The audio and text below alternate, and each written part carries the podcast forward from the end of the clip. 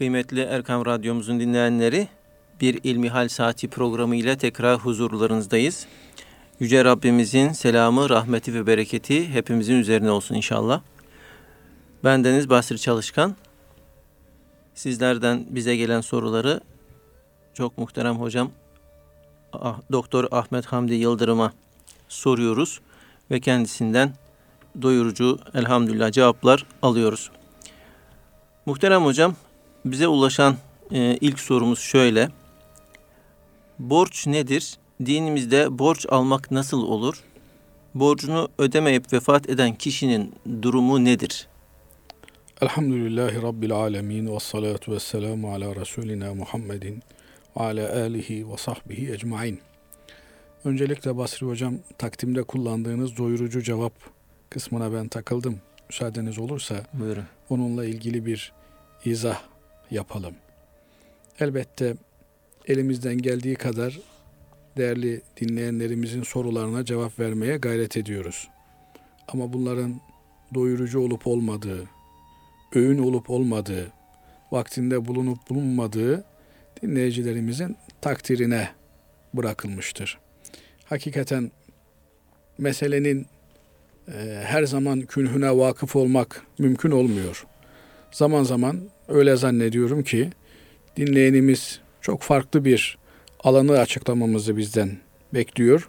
Ama biz o sorudan anlayabildiğimiz ve bilebildiğimiz kadarıyla cevaplandırmış oluyoruz. Dolayısıyla buradan aldıkları bilgilerle yetinmeleri mümkün değil. Elbette e, başka kaynaklardan da kendilerini beslemeleri gerekiyor. Adı üstünde İlmihal Saati programımızın adı. Halin ilmini, içinde bulunduğumuz durumun gerektirdiği bilgileri öğrenmekle mükellefiz her birimiz. Binaenaleyh hani meşhur bir kıssa vardır Nasrettin Hoca bir gün merkebinden düşmüş. Doktora götürelim demişler. Yok demiş bana doktor değil demiş. Eşekten merkepten düşen birini bulun getirin. Bazen insanlar bu tür problemlerini önceden yaşamış olan kimselerle oturarak çözme yoluna gidiyorlar. Mutlak surette hocalarımızla, alimlerimizle birebir diz dize, göz geze gelerek problemlerimizi çözmeye gayret etmeliyiz. Bizler burada bir belki ufuk açıcı değerlendirme yapabilirsek ne mutlu bize. Bunu bir girizgah olarak söyleyelim. Dolayısıyla evet. Yanlış anlaşılmalara mahal vermeyelim. Tabii siz hüsnü niyetle böyle bir takdimde bulundunuz. Allah razı olsun. Böyle durumlarda bize düşen şu duayı yapmaktır. Ey Rabbim kardeşlerimizin hüsnü zannı üzere bizleri kıl. Yani onlar bizimle ilgili güzel şeyler, iyi şeyler düşünüyorlar. Bu düşündükleri şeyin hakikatini yaşamayı bizlere nasip eyle. Böylelikle kardeşlerimizin bu hüsnü zanları yerini bulmuş olsun. İnşallah dua niyetine geçer. İnşallah. Ümit ediyoruz. Amin. Şimdi çok önemli bir soruya, bir probleme, bir kangirene daha doğrusu temas etmiş oldunuz. Borç hukuku, borç ahkamı ne zaman borç alınır? Borç almak iyi midir, kötü müdür? Borç vermek durumunda mıyız? Yani bunlar hakikaten birer içtimai problem olarak karşımızda duruyor. Bakıyorsunuz borç talep eden kimse borç talep ettiği kimsenin yaşamadığı lüksü yaşıyor. Söz gelimi adam 3 yıl olmuş, 5 yıl olmuş evine koltuk takımı almış. O koltuk takımlarını değiştirecek paraya ihtiyaç var. Gidiyor 30 senedir, 40 senedir aynı koltuk takımını kullanan bir kimseden borç istiyor. Şimdi bu durumda ya işte Ahmet Efendi ben evdeki koltuk takımını değiştireceğim. Bana 5 bin lira 10 bin lira borç verebilir misin? diye Ahmet Efendi'ye gittiğinde Ahmet Efendi ya kardeşim benim koltuk takımları 30 senelik 40 senelik değiştirilecekse senden önce benim değiştirmem lazım diyerek borç vermemezlik edebilir mi? Veya borç ne zaman istenir? Evet. Bu konular hakikaten üzerinde düşünülmesi gereken konular. Dilimizin döndüğünce bu konularla ilgili izahta bulunmaya çalışalım. Ev yapan bir kimseye, evlilik yapan bir kimseye ve bir borcu ödeme yükümlülüğünde bulunan bir kimseye borç verilir. Yani adamcağız ev yapmak istiyor, ev yaptırmak istiyor. Bir ev almış. 30 bin lira, 40 bin lira, 50 bin lira, 100 bin lira neyse açığı kalmış. Gelip diyor ki Ahmet Efendi'ye benim borca ihtiyacım var. Bana borç verir misin? Ev aldım 100 bin lira açığım var. Sende de bu 100 bin lira varsa bana borç verir misin? Hay hay. Borç verilir. Evleneceğim. Beğendiğim, almayı düşündüğüm kız efendim yüksek mehir istiyor. O mehir de bende yok. Yani bin altın istiyor. E bin altın bugünün işte kuruyla tam bilmiyorum ama 100 lira ise eğer altının gramı 100 bin lira yapıyor. Dolayısıyla borç arıyorum. Borç verir misiniz? Hay hay varsa buyurun vermemiz lazım. Burada şöyle bir şey denmez Basri Hocam. Kardeşim sen de bin altın isteyen kız değil de beş altına razı olan bir kız al denmez. Evet. Niye? Çünkü evlilikte evlenmeyi doğuran herhangi bir kimseyle erkek olsun kız olsun eş olarak tercihimize etki eden temel unsurlar var. Bu unsurlar gerçekleştikten sonra bin de ister, on bin de ister. Kantar da ister. Yani kantar nedir? Ton hesabı. İşte 10 tonda 5 tonda ister. Eğer hakikaten bir eşte bulunulması gereken vasıflar söz konusuysa o gencin o kızı talep etmesi, bu uğurda istenilen mehri vermesi çok tabii bir şeydir. Bu hususta borç istedi diye bizden ona nasihat etme efendim çok istiyorsa yavrum ben sana başkasını bulayım bak üstüne para veren var vesaire filan diye akıl vermeye gerek yok. O çocuğun istediği, delikanlının istediği borç para bunu istemekte en tabii, en doğal hakkı. Varsa veririz, yoksa verebilecek kimseye işaret ederiz. Üçüncü, borç almayı, borç talep etmeyi, talep edildiğinde elinde imkanı olan, parası olan kimsenin borç vermesini gerekli kılan üçüncü husus adam borçlanmış. Mesela diyet borcu var. Bir cinayet işlemiş istemeyerek.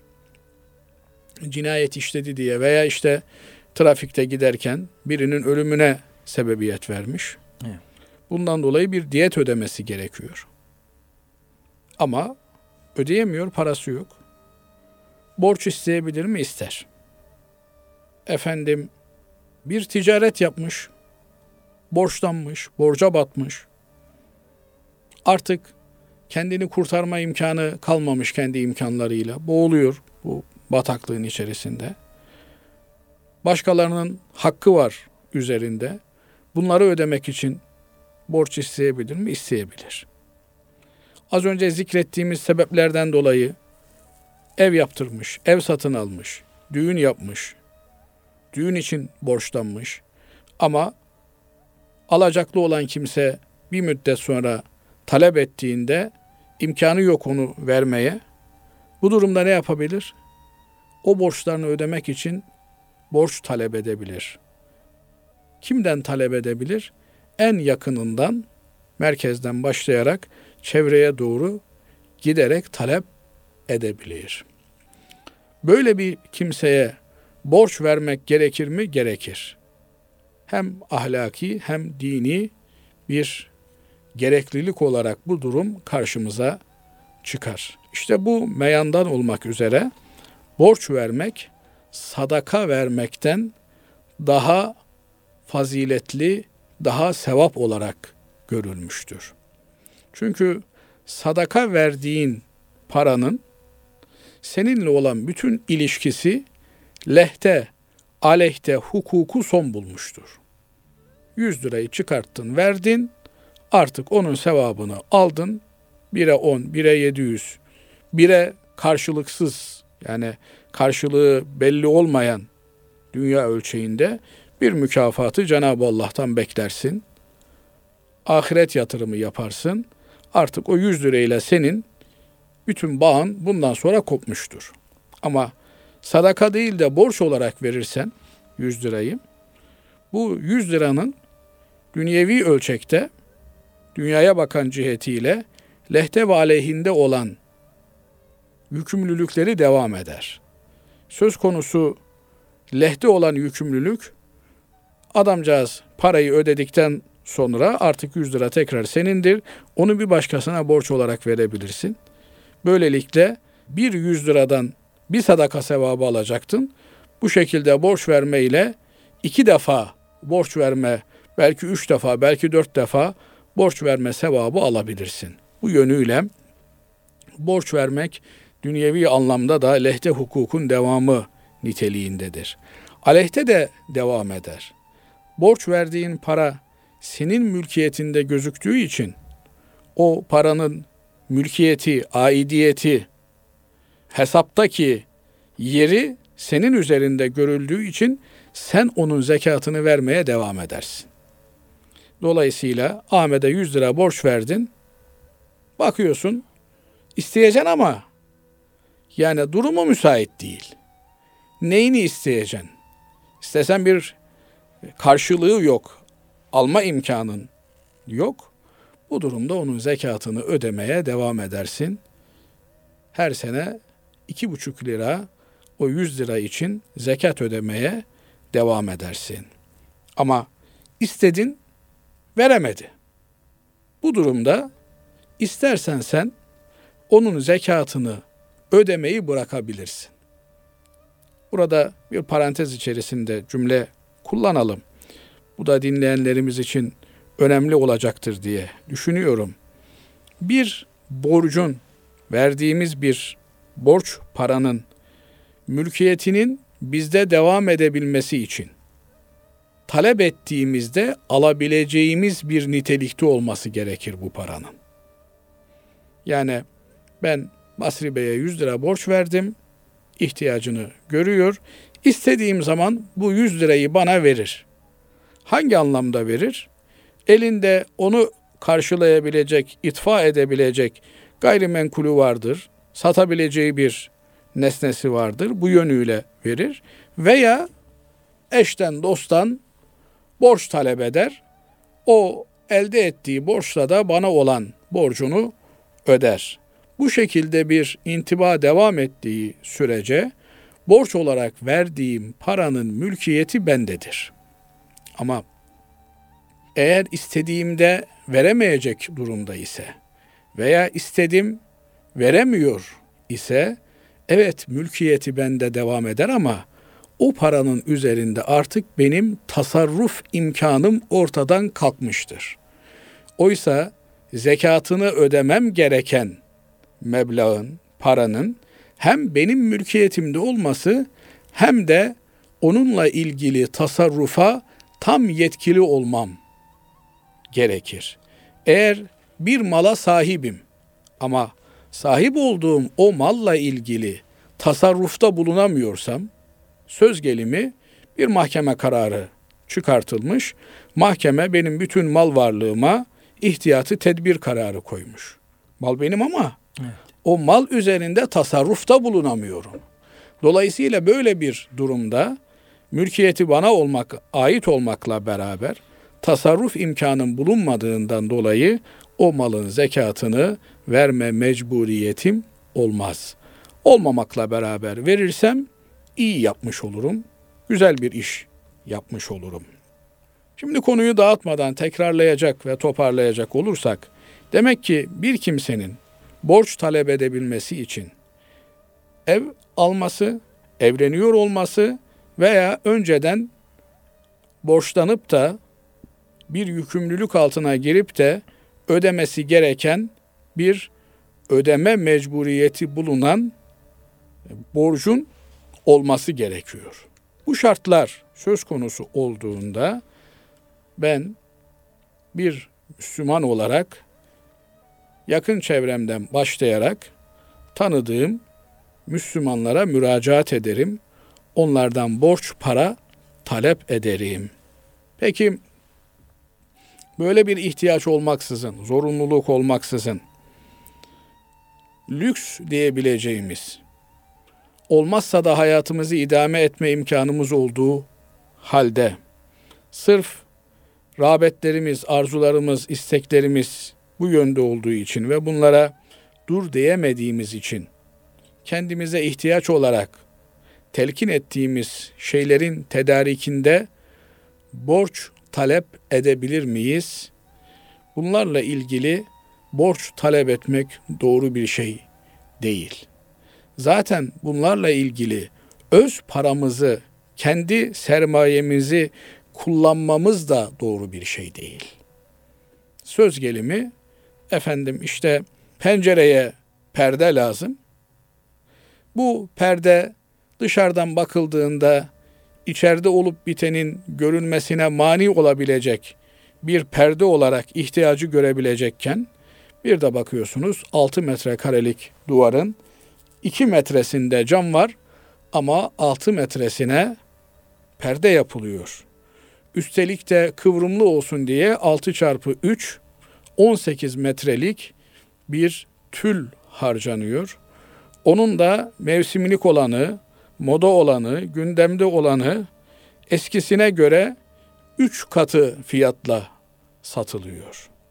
Yani kısacası 300 liraya, 400 liraya maksadı sağlayabilecek olan dışarıdan bakıldığında içerinin mahremiyetini yansıtmayacak olan bir perdeyi cama takmak 200 liraya, 300 liraya mümkün iken bir de bakıyorsunuz maliyet 3000 liraya, 4000 liraya çıkmış oluyor.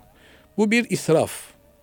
Hadi bu israfı kişinin öz sermayesiyle yapması bir dereceye kadar günah iken, parası yokken başkasından borç alarak veya borç bulamadığı zaman da Allah muhafaza etsin. Faizli kredi alarak efendim tüketici kredisi, ihtiyaç kredisi sanki tüketici kredisi olunca faiz faiz olmaktan çıkıyor mu? Hayır. Aksine tüketici kredisinde faiz daha da katmerli faiz oluyor. Evet. Bu nokta da önemli bir nokta. Tabii. Binaenaleyh bu durumlarda farklı meşru ve gayri meşru yollara teşebbüs etmek çok yanlış bir durumdur. Binaenaleyh ayağımızı yorganımıza göre uzatma düsturunu benimseyerek ihtiyaçlarla hayatımızı idame ettirme cihetine gitmeliyiz. Bu yönüyle bir borç talep etmek doğru değil, caiz değil. Bu faizsiz normal kardı hasen dediğimiz anlamda bir borç talep etmek doğru değil. Zaten faizli müesseselerden borç talep etmek, tüketici kredisiymiş, ihtiyaç kredisiymiş. Bu at altında bir teşebbüste bulunmak bunlar hepten hukuk dışı, din dışı şeylerdir. Diğer bir mesele de yatırım yapmak için borç talep edilebilir mi? Burada da yatırım için borç talep etmek doğru bir şey değildir. Ama ihtiyaç olan bir şey için eğer elimizde yeterli miktarda bir birikimimiz yoksa borç talep edebiliriz. Mesela bir araç ihtiyaç mıdır? İhtiyaçtır. Binebilecek, kullanılabilecek bir araç ihtiyaçtır. Bunun için borç talep edebiliriz. Ama bir dükkan açacağız, bir mağaza açacağız. Efendim açılı olan, var olan dükkanımıza, mağazamıza, ticarethanemize mal alacağız. Bu mal için borç talep etmek doğru mudur? Doğru olan bu tür yatırımlar için bu tür gelir getirecek, kar getirecek şeyler için ortak aramaktır. Dolayısıyla eğer bir yerde kar varsa onu kardeşinle paylaş düsturunca bu tür karlı olan yatırımlara ortak aramamız ve ortakla beraber karı da zararı da bölüşmemiz gerekir. Mesela şöyle bir şey tasavvur edelim. Bir yerde kelepir bir daire denk düştü. Burayı satın alacağız. 500 bin liralık dairenin işte bizim elimizde 200 bin lira kadarı var. 300 bin lirasını dışarıdan bulmamız lazım. Bu 300 bin lirayı borç olarak istemek doğru değil. Niye? Bu eve ihtiyacın var mı senin? Yok. Kendi evin var. Bu evi niçin alacaksın? Yatırım olsun için diye alacaksın. Yani 500 liraya aldığını 3 ay sonra, 5 ay sonra, 1 yıl sonra, 2 yıl sonra neyse 1000 liraya 500 liralık şeyi 1000 liraya satmayı, 1 milyona satmayı düşünüyorsun. Evet. Değil mi? İşte bu durumda borç almak doğru değil. Buraya yatırımcı bakmak lazım. Ortak bakmak lazım. İşte Basri hocam böyle böyle bir durum söz konusu. Buranın asıl değeri 700 bin lira ama satacak olan değerini bildiği halde, bakın değerini bildiği halde bilmeden e, adamı aldatarak vesaire filan değil. Değerini bildiği halde burayı bize 500 liraya, 500 bin liraya satacağını söylüyor. Burayı gelin beraber alalım. Bende 200 bin var. Sizde de 300 bin varsa 5'te ikisi bana, 5'te 3'ü sana ait olmak üzere burayı alalım. Efendim bende 100 bin lira var. O zaman 5'te biri de sana ait olsun. 5'te ikisi için başka bir yatırımcı kardeşimize müracaat edelim. Evet. Doğrusu bu. Niye doğrusu bu? Çünkü birinin parasını aldığımız zaman o paradan biz nemalanıyoruz ama parayı bize veren kardeşimizin kaybı oluyor. Eğer bir ihtiyaç varsa, bir ihtiyaç varsa bu onun aleyhine, bizim lehimize gerçekleşmiş olan fark bize helaldir. Ama bir ihtiyaç yoksa bu bir zulümdür. Bu bir haksızlıktır. Haksız kazançtır. Yani bunun anlamı ne? Ben 500 bin liralık dairenin 200 bin lirasına sahibim. 300 bin lirayı da gittim. İşte bana yakın olduğu için kayınpederden istedim, kayınbiraderden istedim.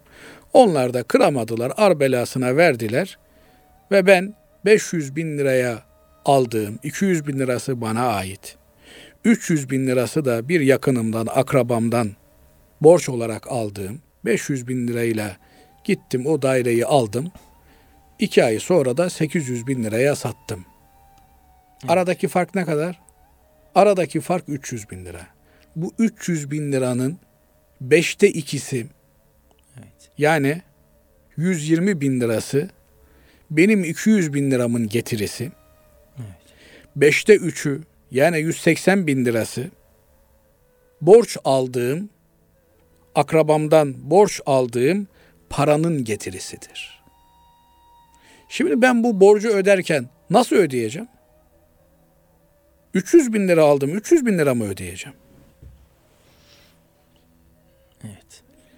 Öyle olur. Eğer Zulüm olur. eğer bir ihtiyacım vardı da ben bu borcu almış bunu az önce konuştuğumuz hususlarda tüketmişsem problem yok. Ama ben bu paradan para kazanmışsam ne yapacağım ben şimdi? 300 olarak versem zulüm olur. Fazla versem 300 verdin fazla verdin meselesi olur. Evet. Dolayısıyla Efendimiz Aleyhisselatü Vesselam buyuruyor ki matlul haniyyi zulmün. Zenginin, hani ne demek? Zengin diyoruz biz ona ama biraz daha açarsak gani ihtiyacı olmayan kimsenin borcunu ödememesi, geciktirmesi zulümdür. Yani söz gelimi haklı bir gerekçeye dayanarak 10 bin lira borç aldın. Sonra da elinde 10 bin lira var. Aa nasıl olsa Hacı abim istemiyor benden bunu. Ben bunu biraz çalıştırayım. Deme hakkın var mı? Yok. Derhal o borcu ödemen lazım. Gece eline gelmişse sabaha kadar beklemeden gidip o borcu gece gece ödemen lazım. Bekletmen doğru değil. Beklettiğin her an aleyhine sayaç çalışıyor demektir. Bir de o 10 bin lirayı nemalandırmaya kalkarsan, onunla ticaret yapmaya, oradan para kazanmaya kalkarsan, sen başkasının parasıyla para kazanmış, başkasının namı hesabına zenginleşme sağlamış olursun. Bu hiç doğru bir şey, hiç olabilecek bir şey değil. Dolayısıyla evet herkes kazancını düşünür ama Müslüman için asıl kazanç ahiret kazancıdır. Binaenaleyh ihtiyacımız varsa haklı bir ihtiyacımız. Olmayan bir şeyi ihtiyaç olarak uydurmuşsak değil. İhtiyacımız varsa mesela ev bir ihtiyaçtır. Evimiz yok ev alacağız. Araba bir ihtiyaçtır. Arabamız yok araba alacağız. Bu borçları alırken de Efendimiz Aleyhisselatü Vesselam buyuruyor ki geri ödeme niyetiyle alınan bir borcu Allah ödettirir diyor. Hesabını yapmışsın. Nasıl geri ödeme niyetiyle alınan bir borç? Yani işte söz gelimi ben 3 bin lira maaş alıyorum. Bunun bin lirasını kira olarak veriyordum. 2 bin lirayla geçiniyordum. Şimdi bir ev alırım. Biraz daha da dişimi sıkarım. Ayda 1500 lira zaten 1000 lirasını eskiden kira olarak veriyordum.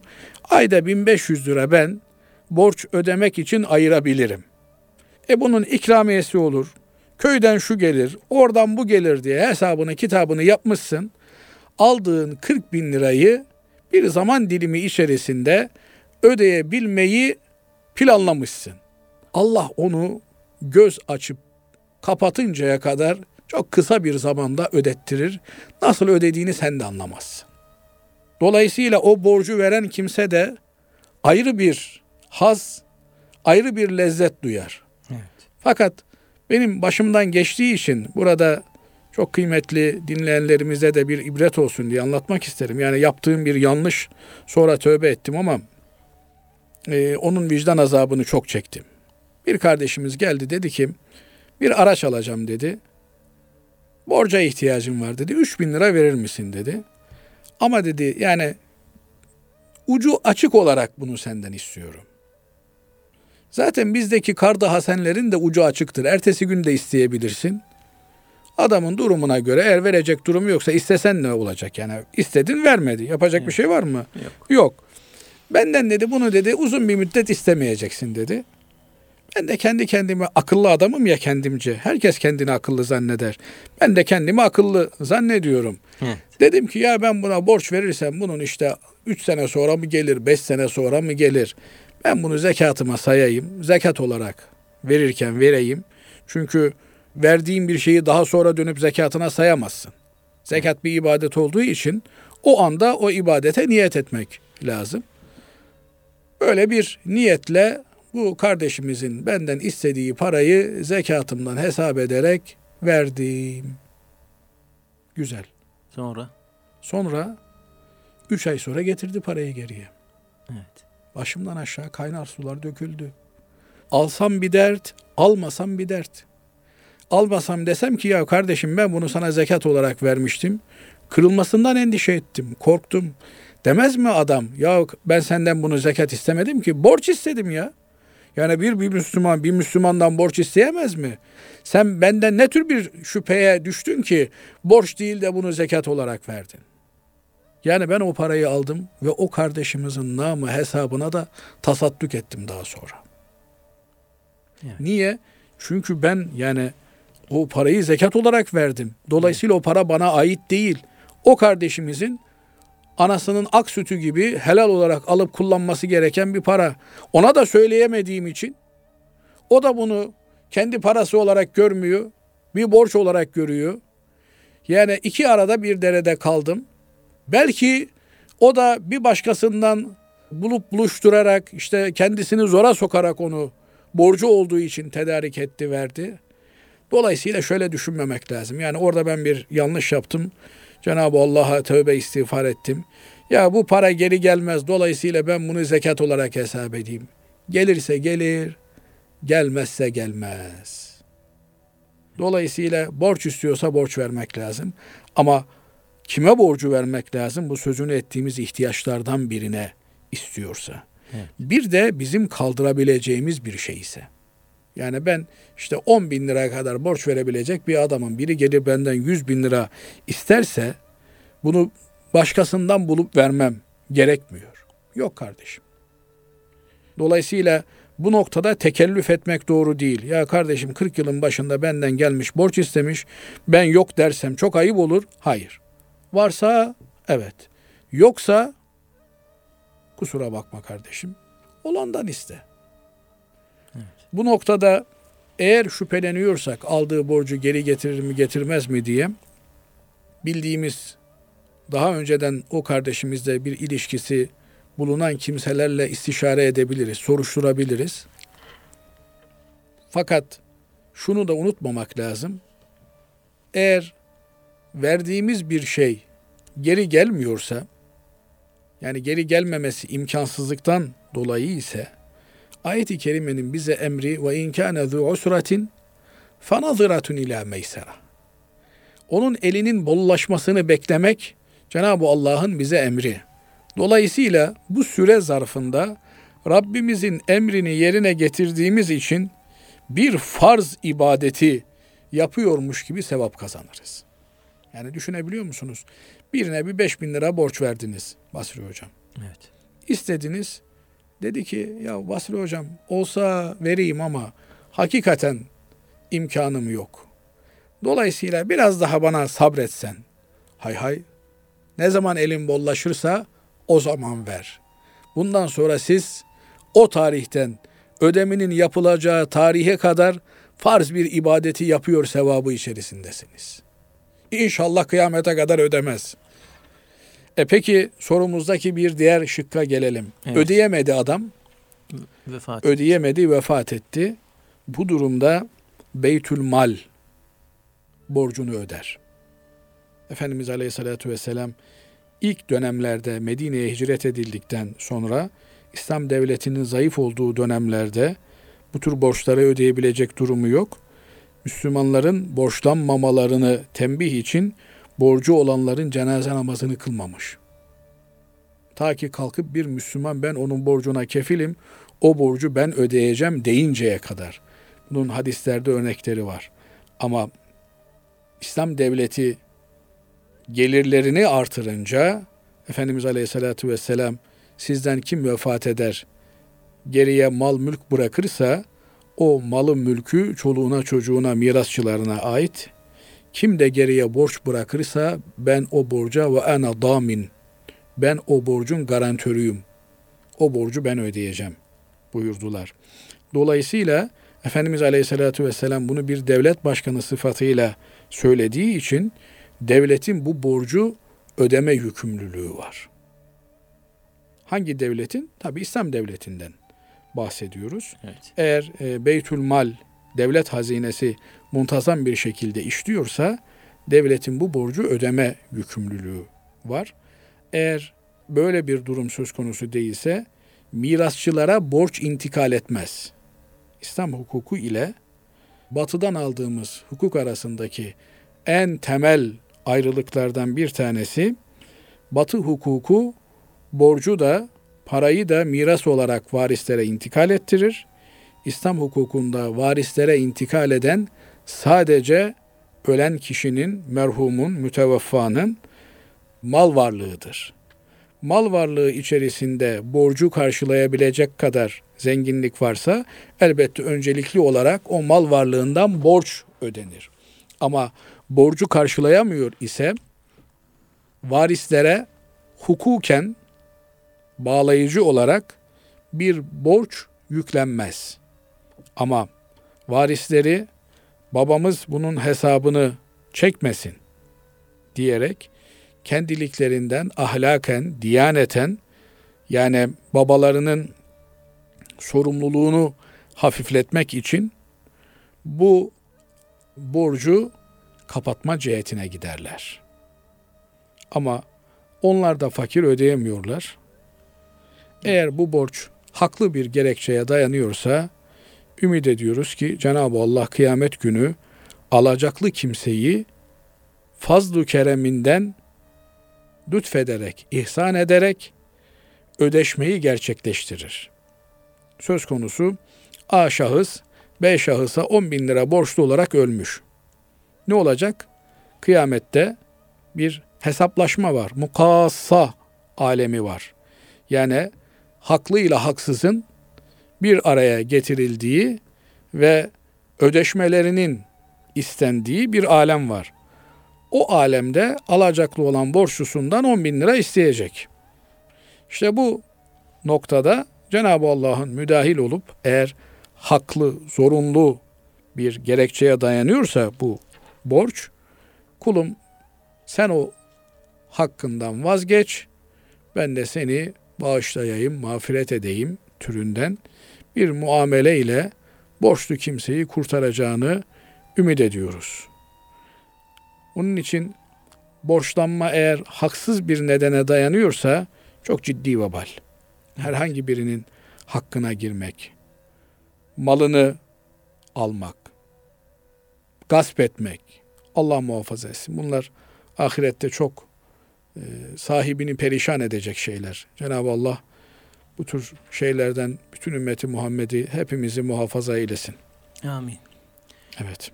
Muhterem hocam, dinleyenlerimizden bize gelen diğer bir soru da e, gündemdeki konularla ilgili bir soru. E, dinimizde Mehdi inancı var mıdır e, diye sormuş dinleyenimiz. Evet.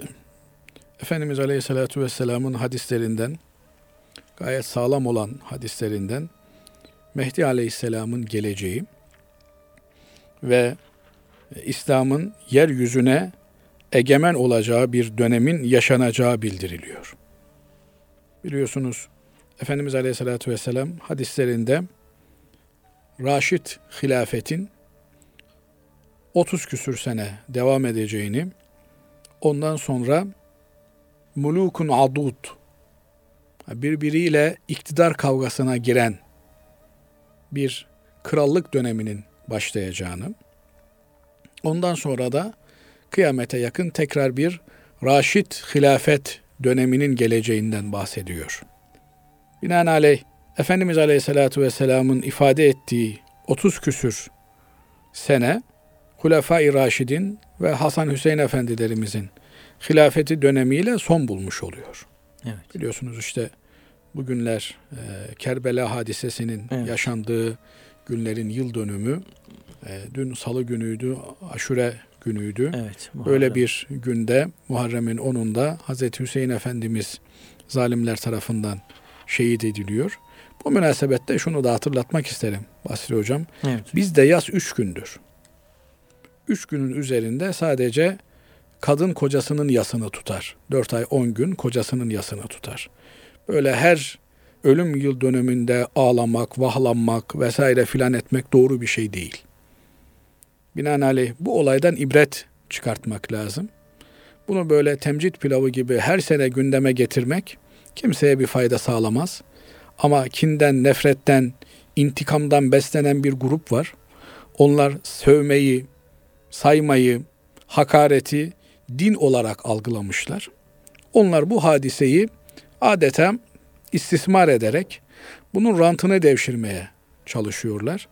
Oysa bu zihniyette olan insanların ataları yüzünden Hazreti Hüseyin Efendimiz şehit olmuş.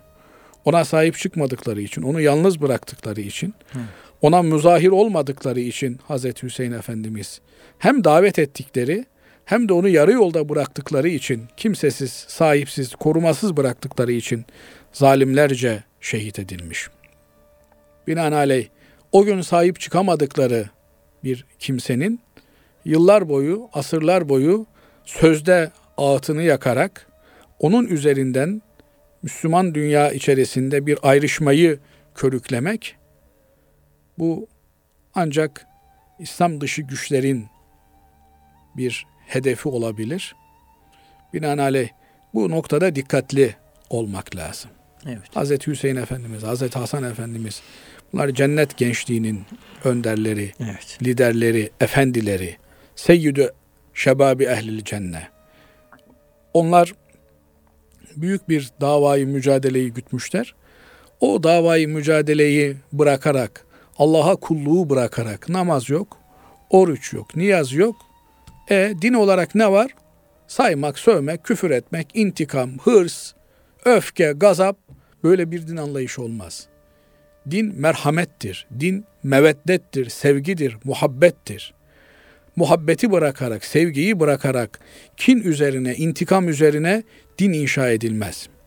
Hasılı kelam oradan tekrar Mehdi aleyhisselam konusuna Evet. dönecek olursak kıyamete yakın bu Raşid halifeliğin tekrarı gündeme gelecek. Yeryüzünü adalet kaplayacak ve bütün dünya Müslüman olacak.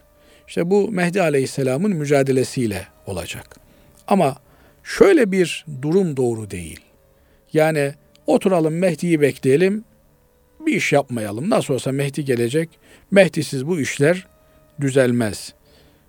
Hadislerin ifade ettiği bütün dünyanın İslam'ın egemenliğine girmesi meselesi ahirete yakın Raşid hilafet döneminde olacak.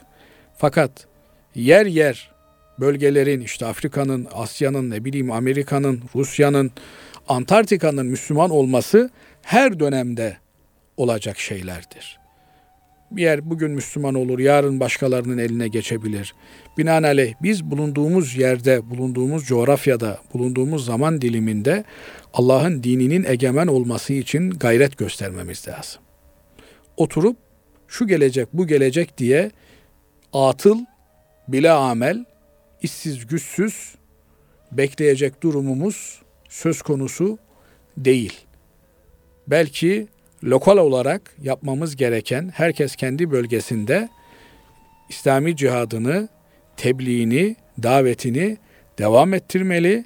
Böylelikle Mehdi Aleyhisselam'ın gelişine de bir ona hizmet edecek, onunla beraber bulunacak, İslami şuurlanmaya sahip orduların yetişmesine, kişilerin bulunmasına katkı sağlamış oluruz.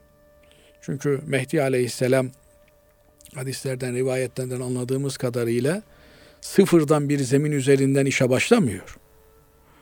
Evet. O güne hazırlıklı olan, donanımlı olan, efendim İslami bilinçlenmesi tamamlanmış, sahtekarıyla hakikisini birbirinden ayırabilecek olan, çünkü herkes ben Mehdi'yim diye ortaya çıkar. Evet. Yani Mehdi olmanın en önemli kriteri aleyhissalatü vesselam Efendimizin nebevi metodunu benimsemesidir. Mehdi tek yüzü olan bir insandır. Nasıl Hazreti Peygamber Efendimizin tek yüzü varsa, yani filana farklı bir yüzüyle, feşmekana farklı bir yüzüyle davranmadıysa, mesela Efendimiz Aleyhisselatü Vesselam en zor zamanlarında sağ eline güneşi, sol eline ayı noktasında teklifleri reddetmiş bir kimse. Bir pazarlığa oturmamış küfür nizamıyla. Kaldı ki küfür nizamının bir parçası olarak çalışsın. Dolayısıyla İslamiyet'in hiçbir noktasında takiyye olmadığı gibi Mehdi Aleyhisselam'da hiç takiyye yoktur. Efendimiz Aleyhisselatü Vesselam nasıl dini olduğu gibi tebliğ etmişse Mehdi Aleyhisselam da o şekilde tebliğ eder. Binaenaleyh Mehdi Aleyhisselam'ın turnusol kağıdı tabiri caizse test yapılacağı nokta Hz. Peygamber Efendimizin hayatına uygun davranıp davranmadığıdır. Yoksa Hz. Peygamber Efendimizin hayatının tam tersi bir hayatı yaşayan Evet. bir kimsenin Mehdilik ilan etmesi çok gülünç, komik bir şeydir. Evet. O ancak çengicileri etrafında toplayabilir. Ee, yoksa hakiki anlamda İslam ümmetinin beklediği Mehdi böyle bir Mehdi olamaz. O A'sından Z'sine bütün hayatını Hz. Peygamber Efendimizin uğruna mücadele ettiği hakikatleri yaşatmak için mücadele veren bir kimsedir. Bu da zaten çok ayan beyan ümmeti Muhammed'in kabulüyle ortaya çıkar. Yani 300 kişinin Mehdi bildiği, 500 kişinin Mehdi bildiği, efendim gizliden gizliye propagandaların yapıldığı, örgütlenmelerin yapıldığı bir Mehdi anlayışı değil. Nasıl Efendimiz Aleyhisselatü Vesselam zuhur ettiğinde bütün dünyaya zuhur etmişse Mehdi Aleyhisselam da öyle zuhur eder, ortaya çıkar. Binaenaleyh bir takım yanlışları bahane ederek Mehdi'nin varlığını inkar etmek, geleceğini reddetmek aklı selim ile bağdaşmaz. Bu noktada da dikkatli olunması lazım. Demek ki ez cümle Mehdi Aleyhisselam'ın geleceğine biz Müslümanlar olarak inanırız. Mehdi Aleyhisselam gelecek diye kendi işlerimizi ona sipariş etmeyiz. Evet. Aksine Mehdi Aleyhisselam gelecek, ona daha donanımlı neferler olabilmek için olabildiğince gayret içerisinde oluruz. Dolayısıyla birilerinin iddia ettiği gibi Mehdi inancı bizi tembelliğe, işlevsizliğe değil, aksine daha fazla gayrete, daha fazla çalışmaya götürür.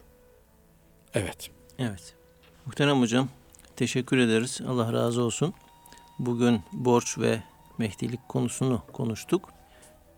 Değerli dinleyenlerimiz programımıza burada son veriyoruz.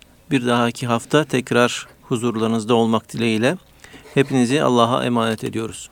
Hoşçakalın.